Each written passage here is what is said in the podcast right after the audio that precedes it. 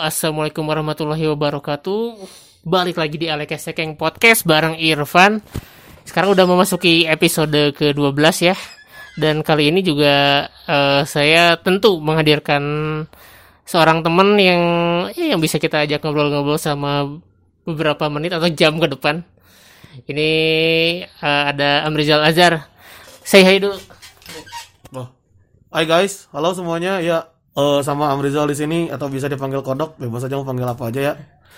Oke, kita mau ngobrol. Gak tahu sih si Irfan mau ngobrolin apa ya. Kita tunggu aja dia mau nanya apa. Mudah-mudahan lancar lah ya. Oke, thank you.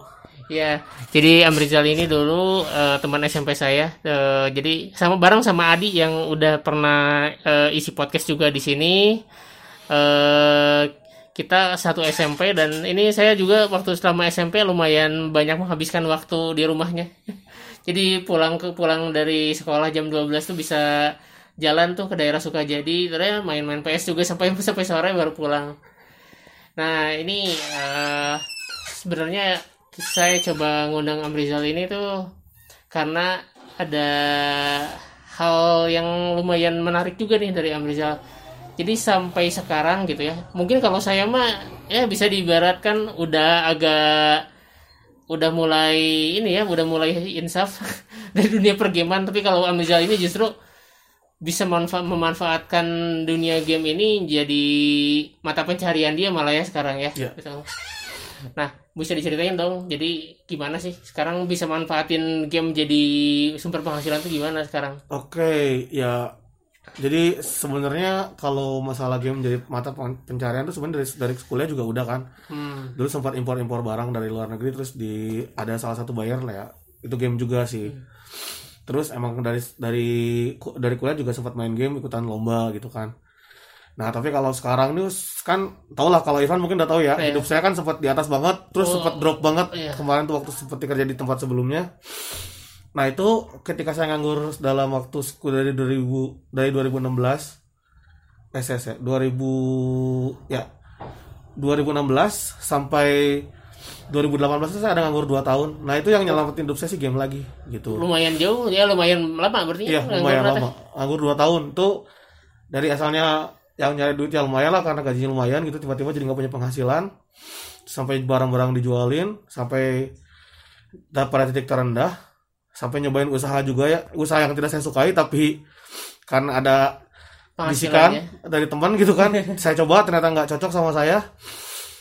Itu saya udah udah bener-bener habis-habisan tapi yang nyelamatin saya itu game sih. Yang nyelamatin dulu saya bisa saya bisa lumayan sekarang punya penghasilan lagi. Saya bisa hidup lagi saya bisa ngasih juga mungkin saya bisa eh, jadi suami yang baik lagi tuh mungkin karena game juga sih kalau bisa dibilang kayak gitu Jadi eh kema- sempet itu kerja di sebuah BUMN lah Iya. ya, sebuah BUMN gajinya besar. Terus tiba-tiba ya dapat masalah, masalah, iya. jadinya harus harus keluar dan justru game gitu ya. Kerjanya dari game gitu ya sekarang tuh. Ya, jadi yang sebenarnya yang sekarang bener-bener menghidupin saya itu bener-bener pure dari game. Hmm. Makanya istri saya sekarang kalau saya main game, kalau dulu kan mungkin sempat marah Dimarahin ya. Kalau sekarang ya gimana emang kerjaannya kan? jadi ya sudah. Jadi ini juga nih Amrizal juga sama nih hari ini bawa kas eh, apa eh, PS2 ya. Yuk. bawa PS2 sama sama kayak Adi kemarin dia eh, jual beli konsol game juga. Cuman ini kelasnya agak beda nih kalau Adi kemarin bawanya banyak bawa game-game handheld. Ini konsolnya agak gedean eh, jadi konsol PS2. Ini mungkin eh, kenangan anak-anak eh, generasi 90 90-an. sawan sampai 2000-an. Pastilah ini kerasa banget ya dulu. Ini warnanya merah yang unik ya ini. Iya. Dulu dulu memang pernah di diluncurin juga pas akhir-akhir mau mau pindah ke PS3 ya, Iya. mau pindah ke PS3 ada ada beberapa konsol game eh, PS2 yang diluncurkan dengan warna-warna terbatas. Nah, ini Iya. salah satunya dan ini lumayan lah ya, harganya rendah banget ya. Iya, betul. Jadi tadi tuh iseng lah kan. Kan memang Hmm. kalau saya ini orangnya kalau keluar rumah tapi eh, apa ya? Kayaknya rugi gitu kalau nggak ngapa-ngapain gitu. Jadi pengennya beres semua gitu kalau keluar rumah tuh. Sekalian. sekalian itu jadi mungkin karena dulu zaman zaman dulu waktu saya zaman zaman dulu di kerja di tempat lama tuh saya sering ngomong waktu kan sering jalan ke mana-mana tanpa ada inilah kalau sekarang tuh jadi Harus ada tujuan. eh, jadi lebih perhitungan sih ke diri sendiri ya jadi tadi saya cek-cek iseng-iseng gitu apa ada yang bisa saya eh, usahakan atau apa gitu pas saya iseng tadi sebelum apa pas sholat zuhur saya cek oh ada ada yang jual murah ya saya cobalah nanti malam kita lelang nih ada Oh. PS2 Red ya eh, Slim. Ini eh, lumayan lah harganya dapat murah. Nanti nanti malam kita coba lelangin nggak tahu dapat berapa. Yang jelas ya pasti balik modal sih. Iya pastilah ini. Saya juga kaget dengan harganya ya. Pokoknya lumayan murah lah ini mengagetkan. Iya.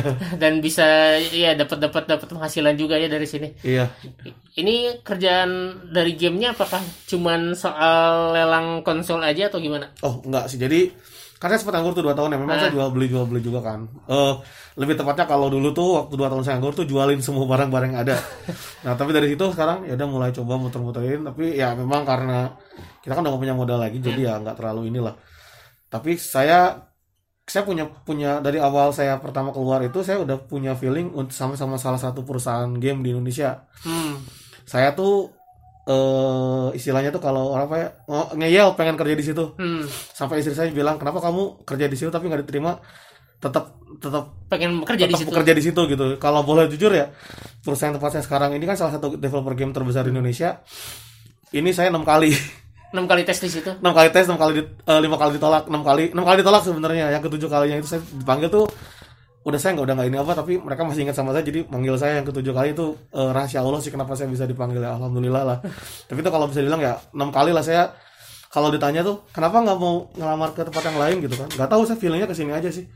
Tapi alhamdulillah lah eh, di tempat yang ini ya alhamdulillah hasil lah gitu. Jadi saya juga walaupun saya pernah tahu lagi ke Jakarta tapi ya dapat penghasilan dari situ dan mulai terbuka juga sih usaha-usaha saya yang lain gitu. Jadi kan saya juga kan dulu main PS nih ikutan sering ikutan lomba turnamen gitu kan.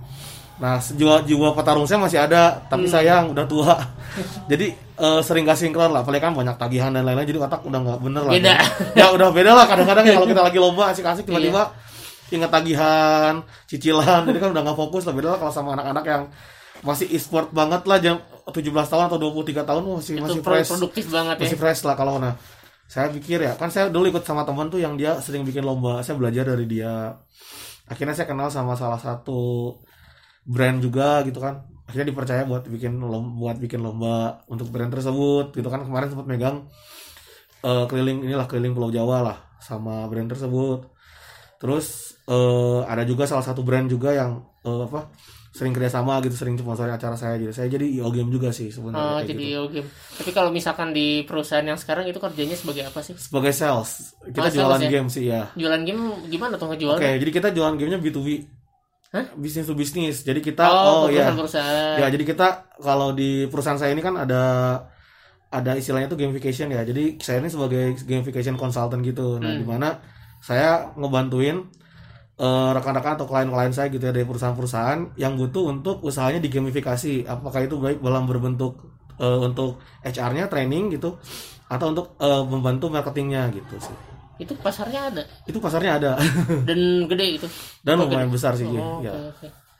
Jadi ya eh, beberapa perusahaan kadang ada juga yang punya, keinginan buat eh, si bis si brandnya itu di gamifikasi terus ya kayak muncul di Play Store gitu ya. Eh, ada beberapa yang di Play Store gitu kan. Kalau klien saya tuh ada yang eh, on ground event. Kayak misalkan kemarin ada salah satu merek susu juga. Hmm. itu ada on ground event. Nah, kita kita bantu bikinin gamenya. Terus ada juga yang kayak apa? Eh, web game Hmm. terus ada salah satu marketplace kita bantuin bikin app eh, bahkan bikin masukin game kita di dalam aplikasinya Oh, jadi di embed gitu Ya betul di embed nah, terus ada juga salah satu eh, superhero yang kemarin Hmm. baru rilis tuh itu kita bikinin gamenya juga buat di embed di marketplace tersebut Tapi kalau gitu sekarang eh, WFH dong ya.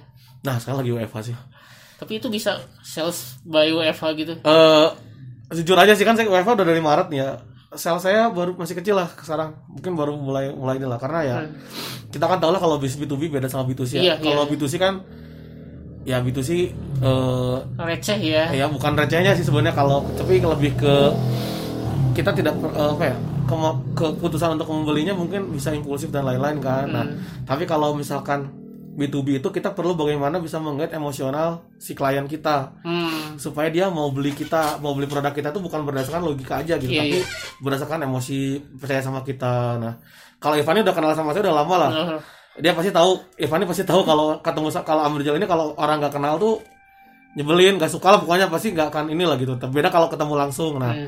agak masalahnya itu itu sih Eh, kalau iya, saya ini iya, kan iya. kalau dalam ke chat kalau chat itu kan agak-agak ya selalu to the point gitu kan kurang bisa basa-basi kalau saya chat Eh, terus kalau di telepon pun masih kurang inilah beda kalau saya lagi face Langsung to ketemu face gitu kalau ya. face to face kan cairnya inilah iya, mungkin iya, iya. kendala selama Eva itu sih mungkin Jadi orangnya nih Amrizal ini orangnya emang dari dulu orang lapangan banget lah. ya Iya iya dan memang supel juga ya. Jadi emang lebih gampang buat eh, akrab ketika ketemu ya. ya betul Susah kalau misalkan eh, chat apalagi kan memang kita mah ada tumbuhnya memang di generasi itu sih. Di generasi generasi yang belum ada ya aplikasi chat jadi memang agak susah juga ketika harus eh, mulai itu kan benar-benar mulai lagi dari mulai sesuatu dari awal Iya, lagi gitu kan. betul. betul. ya Nah, kalau misalkan itu di luar di luar pekerjaan tadi sempat disinggung soal eh, IO game itu gimana tuh? selama ini Eva ini Eh iya enggak sebelum sebelum Oke. dari UEFA juga kan katanya sempat punya punya usaha sendiri ya yaitu IO game itu gimana Ya, sih jadi- bisnisnya? Jadi ya, awalnya kan kita biasa bikin bikin lomba tuh dari eh, turnamen apa turnamen tuh dari rental rental awalnya kan. Hmm. Sampai akhirnya ya ada brand, ada tempat yang mau apa yang mau bik- minta bikinin Hmm. kita sih gitu. Jadi akhirnya ya kita coba bantuin mereka bikin gitu. Nah, model bisnisnya sih banyak sih. Ada yang model bisnisnya ada yang ya udah pokoknya saya kasih kamu hadiah, kamu silakan kamu mau penghasilan berapapun itu urusan kamu gitu kan. Tapi ada juga yang ini saya budgetin kamu sekian puluh juta, nah itu kamu atur sendiri. Nah itu sih beda-beda sih tergantung kita negosiasi sama kliennya. Hmm. Kita Jadi- bantu activationnya sih kalau misalkan itu kita lebih bantu ke activationnya. Oh, lebih ke aktivasinya Iya. ya, aktivasi si brandnya Iya. gitu. Jadi nawarin itu berarti sekalian sambil kerja gitu ya. Beda sih, Beda. beda, banget, Oh, beda, beda banget, banget. beda banget. Kok bisa disatuin tuh misalkan Nggak- nggak lagi bisa. lagi lagi apa lagi lagi prospekin klien dari perusahaan terus kalian weh gitu nggak bisa. Nggak ya? bisa sih, etikanya sih. Kalau Beda saya sih ya? etika, ya kalau Oh. saya sih selalu berpikir karena gini loh, zaman dulu saya di saya sih selalu berpikir selalu selalu lihat ke belakang gitu ya. Hmm. Zaman dulu saya itu adalah zaman kesalahan saya zaman waktu saya kerja di perusahaan sebelumnya Hmm. adalah saya menyamakan bisnis sendiri sama eh, pekerjaan di ini kantor. Jadi sama bareng-bareng gitu. Mak- Itu yang Hmm. salah. Makanya sekarang saya punya etika saya sendiri. Saya klien saya nggak akan pernah nawarin saya yang menawarkan gitu ya ke klien saya, klien saya yang udah ada di kantor saya, saya mau bantuin dia bikin acara, saya nggak pernah nawarin itu. Hmm. Tuh. Jadi saya saya nggak pernah nggak pernah nggak pernah itu karena etika saya selalu saya kayak gitu sih. Saya nggak mau lagi istilahnya tuh ada tumpang tindih antara saya punya usaha di luar sama kerjaan saya sebagai sales saya nggak mau gitu. Saya pengennya ya udah kalau saya udah kalau dia udah klien saya di kantor ya udah urusannya sama kantor gitu. Kalau misalkan pun nanti dia ada permintaan ke saya itu saya pengennya nggak mau dibahas di jam kantor ataupun mungkin hanya sabtu minggu aja gitu. Saya mau ngomong sama dia gitu sih. Oke, jadi ya itu sih menyikapi ya belajar dari pengalaman berarti Iya dari belajar dari pengalaman. Terus kalau misalkan eh, IO game pernah bikin apa aja berarti? Oh, kita yang gede itu kaskus ya. Hah? Eh sorry kita jadi bahas. Nggak apa sebut Gak apa-apa brand ya, gak apa-apa. Nggak apa lah ya. Jadi ada kaskus tuh ya kaskus Battleground kita pernah di Surabaya, Bandung, Jakarta. Terus sempat Medan juga tapi nggak saya ambil ya karena kejauhan. Terus Hmm. untuk ada salah satu brand eh, kita bantu di full ya full saya ngerjain itu ada untuk Mobile Legend, PES Pro Evolution Soccer sama FIFA juga. Nah kalau sekarang ada yang ke pending ini futsal. Oh, futsal juga masuk. Iya, jadi ada brand brand saya ini dia Hah? minta bikin futsal tapi ada gamenya, ada Oh. ada ada ada, ada e-sportnya. Oh iya iya Tapi dia iya, pengennya- iya, iya. Pengennya ada activation buat futsal ya. Oke saya bantuin futsal juga nggak apa-apa kok selama ada gamenya gitu. Tapi ke pending Tapi gara-gara ke pending corona. gara-gara corona ini. Oh, iya. Mungkin di bulan Juli atau Agustus lah. Mudah-mudahan udah bisa ya. Mudah-mudahan soalnya udah bisa. katanya Liga Indonesia juga udah udah bisa jalan. Iya, betul. Di futsal juga ya mudah-mudahan bisa jalan juga gitu ya. Nah, terus eh, kalau misalkan dari segi IO gini waktu pembagian waktunya gimana? Kan itu lumayan juga tuh. Bikin IO tuh ya ibaratnya mm, eh, pasti membutuhkan waktu yang lumayan itu. Oh iya. Kebetulan kan kalau kita sih, saya sih selalu selalu ngebagi waktunya adalah ya saya kalau pekerjaan kantor saya selesaiin kantor. Tapi kalau malam ya baru saya ngerjain yang IO. Hmm. Yang. IO-nya. Ya. Terus ada yang bantuin juga atau ada sama ada teman? ada, Oh, ada ya. yang bantuin. Jadi saya kan eh, pengalaman saya zaman dulu juga kan saya sempat gagal bisnisnya. Hmm. Adalah kesalahan saya dulu adalah saya punya karyawan tetap di, pada saat saya belum mampu. Ah iya iya. iya. Nah sekarang saya nggak pernah nggak punya karyawan tetap. Jadi freelance Semua aja. saya freelance free fee base. Ah, Nah, itu oke. jadi ada Per event, project ya? ada per project saya saya per, per project. Jadi semuanya masih dikerjain sama saya sendiri. tapi kalau ada project baru saya eh, ini ke teman saya gitu Sih, mending gitu ya. iya itu pengalaman saya kan Pak Irfan juga tahu sendiri ya Irfan saya, dulu- saya dulu habis berapa puluh juta tuh yang punya pegawai tetap tapi ternyata nggak nggak produktif kan Jadi dulu juga kalau nggak salah sempet sama sama juga kayak Adi itu. Apa Ya. bikin bikin cosplay juga. ya kan? betul Sempet di apa? Di diliput juga kan? sempat diliput juga cuman ya Sama? itu sama kaskus juga Bagus juga ya. Iya, jadi saya jodohnya emang sama kaskus ya. Saya bisa bisa dibilang memang jodoh jodoh banget lah kalau sama kaskus tuh. Hmm. Tapi itu kasus lumayan masih gede nggak sih ini si ke pasarnya? Ya, soalnya karena saya udah lama Iya. kurang touch sama kaskus gitu, tapi kayaknya Masih lumayan sih. masih lumayan ya, bilang masih, lumayan. ada komunitinya tuh masih ada gitu ya. Tapi yang di dalamnya itu orang-orangnya apakah angkatan kita atau angkatan generasi di bawahnya generasi Z gitu? Ada yang angkatan baru, ada yang angkatan kita. Kalau misalkan yang sekarang sering berhubungan sama saya sih yang seumuran sih rata-rata. Hmm. Ya sih yang seumuran sih soalnya kayak juga apanya kalau misalkan ngelihat ya sama generasi yang terbaru gitu generasi-generasi Z tuh kayaknya agak-agak kurang familiar sama kasus tapi kalau kita memang lumayan agak ada engagement sendiri sama kasus tuh Iya, karena kalau kita mau jujur kan yang pertama kali nge- ngenalin kita sama FJ ah, sama marketplace itu kan sebenarnya kaskus ya. Itu iya satu. iya benar-benar ya sebelum sebelum ada ya sebut aja Tokopedia Shopee dan yang lain-lain itu udah kita jualan tuh dulu memang di kasus Iya. dulu Iya. Nah, terus juga sempat denger nih eh, pernah eh, beberapa tahun yang lalu terjebak juga dalam sebuah ini ya eh, fintech jebakan Oh, fintech. oh, itu, itu gila banget sih itu. Eh, Itu, itu termasuk yang salah satu yang bikin hancur juga. Iya, salah satu yang bikin hancur itu eh, makanya ini pesannya buat teman-teman ya. Eh, jangan coba-coba deh. Fintech, Iya, apa pun itu. saya bilang sih apa pun itu ya. Eh, mungkin ada yang bilang eh, merek A aja karena dia bunganya kecil atau merek K aja bunganya kecil. Eh, berdasarkan pengalaman saya ya, begitu udah pernah deal sekali tuh nyoba sekali tuh eh, saya tuh bukan bakal coba lagi. Hmm, itu ya. itu waktu terjebaknya itu minjem uang, manijim atau gimana tuh? Itu lucu sih, Van. Oh. Kalau aku bilang lucu ya. Pada saat itu aku udah dapat duit sebenarnya. Jadi aku tuh sebenarnya udah paham berhasil. Aku tuh udah nyairin PJS dan lain-lain lah ya. Terus aku tuh mau iseng-iseng nyobain gitu kan. Karena lihat teman aku tuh eh, dapat gitu kan nyoba ketagihan tuh dari situ bikin bikin malas kerja juga terus Waduh. buat lomba juga butuh modal kan Iya sih. tuh Eh, kan kita kan awalnya tuh ke kepancing karena cepat dapat duitnya kan Mhm. nah itu sih yang sebenarnya bahaya tuh Hmm.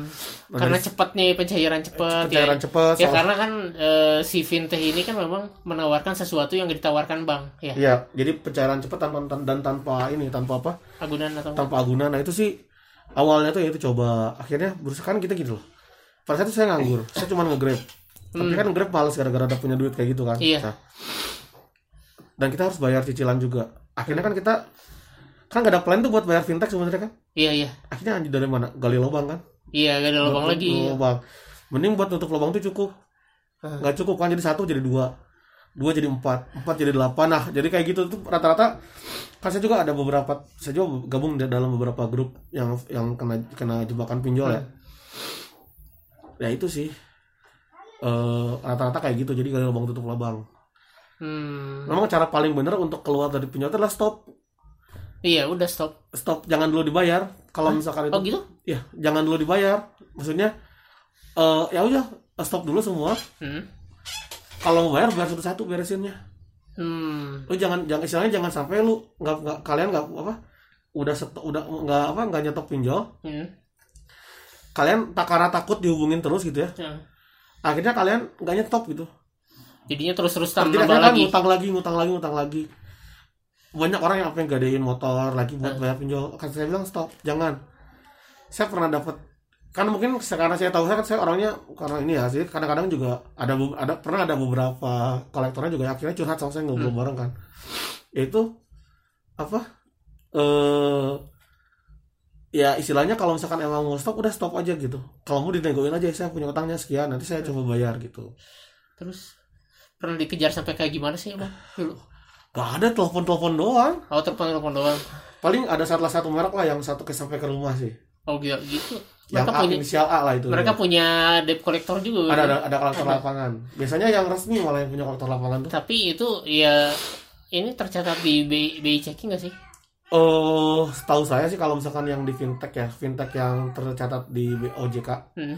Dia masuk ke BI checking tapi itu setelah dua bulan eh setelah tiga bulan biasanya. Setelah tiga bulan nggak bayar nggak ada transaksi dia baru Baru masuk. ke BI Iya, checking, setahu saya itu sih.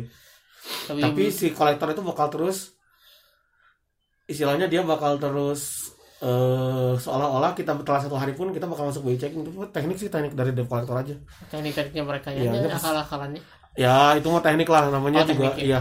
Mungkin yang pernah tahu ya jangankan debt collector lah yang pernah kerja di beberapa yang berhubungan dengan finansial yang Hmm. minjem minjemin udah pasti kayak gitu tekniknya kok itu mah udah kayak SOP lah Iya. ini pasti nih kalau banyak yang dengerin ini nih yang kolektor kolektor parah juga nih pasti ya nggak apa-apa lah ya apa-apa ini mah terbuka aja sharing aja sharing sharing, aja. ya. berarti ya sekarang tuh memang ya apa ya bahaya juga sih ini kan karena apa karena prosesnya cepat penawaran proses cepat jadinya. Ya sebenarnya yang harus dip- ah, harus dipahami itu adalah ya ini buat teman-teman yang mungkin kepikiran pengen minjol ya. Bukan masalah duitnya sih bukan masalah kalian dikejar-kejarnya tapi data kalian sih sebenarnya yang jadi masalah itu. Ya, ini bahaya Iya. jadi buat data digital tuh sekarang? Iya. Oh. Jadi gini Iya. kita tuh perlu tahu kalau sebenarnya yang berharga di diri kita itu bukan bukan diri kita tapi data kitanya. Hmm. itu sih yang harus dipahami. Hmm. makanya harus berhati-hati itu adalah kita harus hati-hati data kita tersebar itu sih sebenarnya.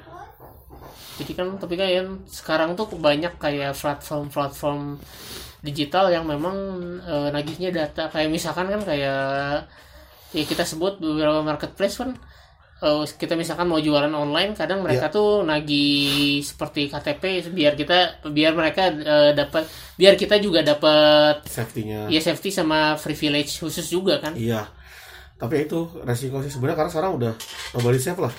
Apalagi sekarang katanya Kemendagri mau bukain eh, untuk fintech kan, Oh, mau iya, bukain iya. data untuk fintech. Nah, Itu sih gila saya- sih gila ya Ya saya sih nggak tahu ya. Eh, mungkin lebih pinter lah eh, Kemendagri ya. Kalau Iya. kita sih sebagai pengguna takut aja sih takut ya disalahgunakan jelas lah itu ya. mengerikan sekali Iya. kita aja apalagi kan kemarin yang ada marketplace yang eh, kena skandal Pencurian penjual, data. pen- ya, penjualan data itu kan ngeri banget Iya. Banget ya. Ya pokoknya hati-hati aja sih sama teman-teman.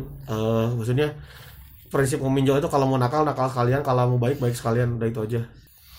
nah sekarang buat rencana nih ke depannya. Kan ini sekarang sebet eh, praktis tiga bulan terakhir. Mungkin jadi nggak bisa ada Lomba.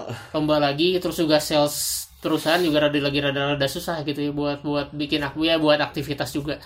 Rencana ke depannya gimana nih? Kan sekarang ya udah mulai ini ya udah mulai dilonggarin lah psbb kan Ya kalau saya sih kalau dari dari segi saya ya eh, sekarang sih targetnya ya tetaplah kita push push sales kita secara pribadi ya gimana caranya kita dapat sales lah. Hmm.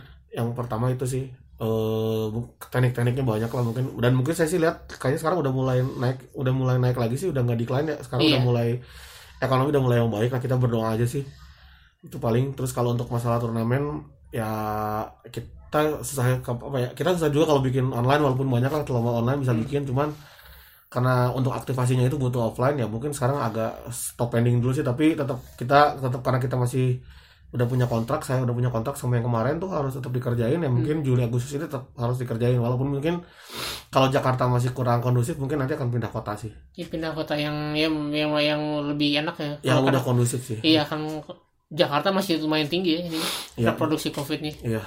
Terus kalau rencana dari ke depannya gitu sekarang kan udah ya bisnis jual beli konsol terus juga sama eh, jadi IO game. Ada rencana lagi nggak? Punya visi ke mana nih si bisnis game ini? Eh, di bawahnya. Ya ke depannya lah mungkin lima tahun mungkin kalau. IO sih ya pengennya ya eh punya sendiri lah. Jadi bener-bener bukan punya sendiri maksudnya istilahnya eh apa jadi ada badan hukumnya gitu. Ah, yang lebih resmi. Jadi kan-. Terus nawarin juga enak kan ya? terus yang nggak usah dikerjain sama sendiri lagi lah istilahnya Iya, tuh iya. gitu jadi yang udah bener-bener bisa jalan sendiri lah gitu. Nah itu sih cita-citanya mungkin 2-3 tahun ke depan. Hmm. ya terus ya seperti biasa lah masih punya cita-cita juga punya game game center sendiri itu udah udah jadi bahan sih sama istri itu udah udah udah jadi planning juga mungkin buat tiga tahun ke depan.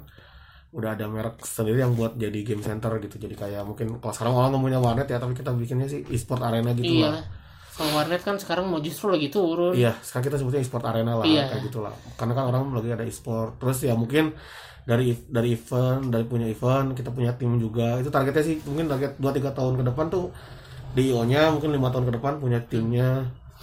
Nah kalau untuk yang di Agatenya kita nggak tahu lah sampai kapan ya.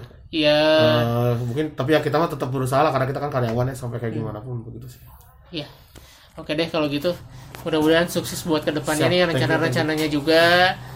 Ya kapan-kapan kita mungkin bisa kumpul lagi nih bareng-bareng sama ya satu kita kan satu geng juga nih Siap. sama Adi juga. Bisa main game atau kongko lagi. Kita juga kan kemarin biasanya pu- bulan puasa nongkrong jadi nggak bisa. Iya kemarin juga kita halal bihalalnya di online ya. iya luar biasa nih. Iya. Ya terima kasih. Eh, Jal sudah datang ke rumah juga. Siap. Anyway, ini kita eh, dalam prosedur COVID ya, ini podcastnya. Jadi kita jaga jarak satu meter, Jauh-jauhan. dan juga sama-sama pakai masker. Ya. Oke, sampai ketemu di podcast saya selanjutnya. Oke. Bye bye.